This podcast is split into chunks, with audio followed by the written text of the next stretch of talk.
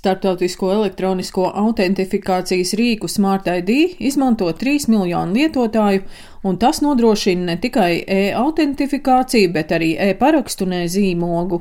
Latvijā Smart ID darbību nodrošina uzņēmums SKID Solutions.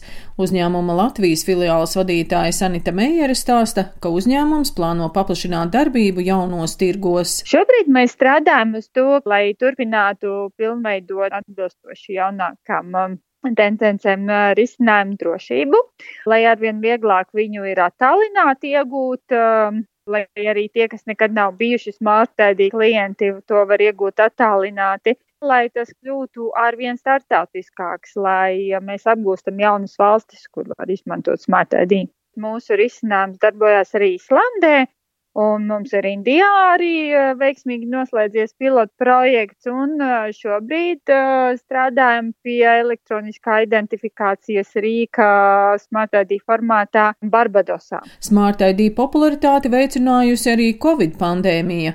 Finanšu nozares asociācijas maksājumu un digitālo produktu komitejas līdzpriekšsēdētājs Ilja Nogičevs stāsta, ka Smart ID risinājumu Latvijā izmanto piecas bankas. Elektronisko kanālu izmantošana ir kļuvusi vairāk un vairāk populāra un būtiski, kā autentifikācijas risinājums ir ērts un vienmēr pieejams. Uz šo brīdi piecas bankas Latvijā izmanto Smart ID risinājumu, lai uh, klienti varētu pieslēgties elektroniskiem pakalpojumiem. Tā ir SEB banka, Luminor, Svetbanka, Inbanka un OP korporatīva banka. Un uh, es varētu teikt, ka nu, īstenībā visas šīs bankas kopā nodrošina aptuveni 80% no Latvijas iedzīvotājiem, kas varētu pieslēgties ar Smart ID.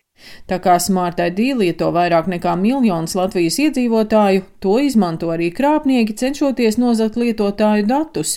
Tomēr Ilja Nogičevs uzsver, ka krāpnieki pie datiem tiek tikai tad, ja iedzīvotāji paši to atļauj. Arī krāpnieki neguļ. Arī viņi meklē vairākas iespējas, kā lai nozagtu tos klienta datus, gan identifikācijas datus, gan arī nokopēt to smart ID. Protams, ka pašam klientam arī ir jābūt uzmanīgam brīdī, kad viņš ievada PIN 1 vai PIN 2 lietotnēs datus, vai tas ir tiešām tā ir piekļuve ir nepieciešama viņam, vai tas ir krātnieku mēģinājums. SKID Solutions Latvijas filiāls vadītāja Sanita Meijera stāsta, ka Smart ID nopietni darbības traucējumi notiek apmēram reizi gadā, bet cīņā ar krāpniekiem tiek ieviesti papildus risinājumi. Mēs ieviešam papildus pogas papildus darbības aplikācijā, lai lietotājs izmantojot rīku pievērš uzmanību tām darbībām, ko viņš dara un neapdomīgi, neapzināti neapstiprina lietas, kuras pēc tam nākas nožēlot.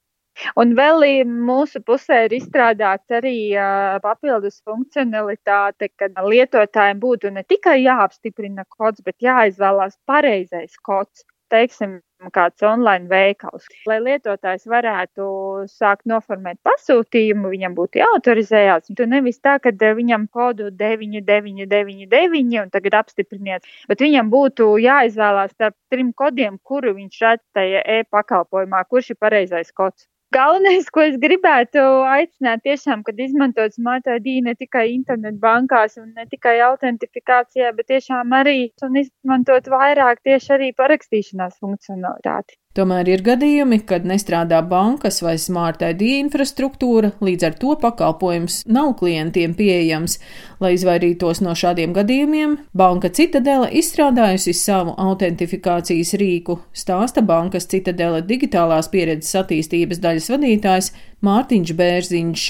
Ja mēs eh, skatāmies uz šo mobīlu skanu risinājumu, klients atrodas eh, vienā mūsu bankas mobilajā aplikācijā. Viņam nav nepieciešama papildus klikšķi, nav jāpāriet uz citu aplikāciju, nav jāatgriežas atpakaļ, kad viņi ir veikuši šo autentifikāciju.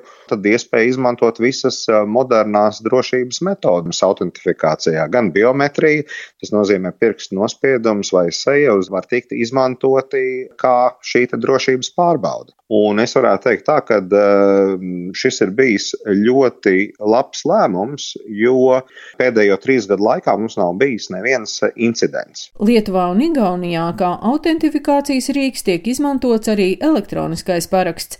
Plānots, ka arī Latvijā banku klientiem būs iespēja izmantot vismaz divus rīkus, tostarp arī elektronisko parakstu un tad gadījumos, kad viens rīks nedarbosies, būs iespēja izmantot otru. Daina Zalamane, Latvijas radio.